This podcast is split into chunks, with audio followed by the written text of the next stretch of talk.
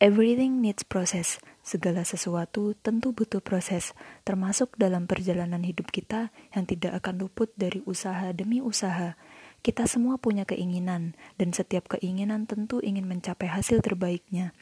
Tapi, kalau kata orang, usaha tidak akan mengkhianati hasil.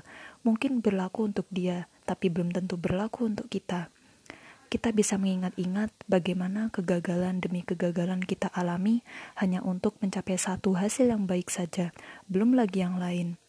Tapi kita harus mengingat kembali bahwa Allah telah berbicara dalam firman-Nya. A'udzubillahi wa alaysa lil insani illa ma sa'a wa anna sa'yahu sawfa. Sebagaimana manusia itu hanya akan dinilai berdasarkan usaha, bukan hasil yang telah dia capai, maka selagi kita berusaha, carilah usaha-usaha yang sekiranya menyampaikan kita pada ridhonya juga dengan cara-cara yang Allah suka. Karena tentu percuma bila kita hanya mendamba hasil yang baik tapi dengan cara yang tak baik. Kita sudah berniat dengan baik tapi cara yang kita lakukan gak baik. Tentu gak akan sampai.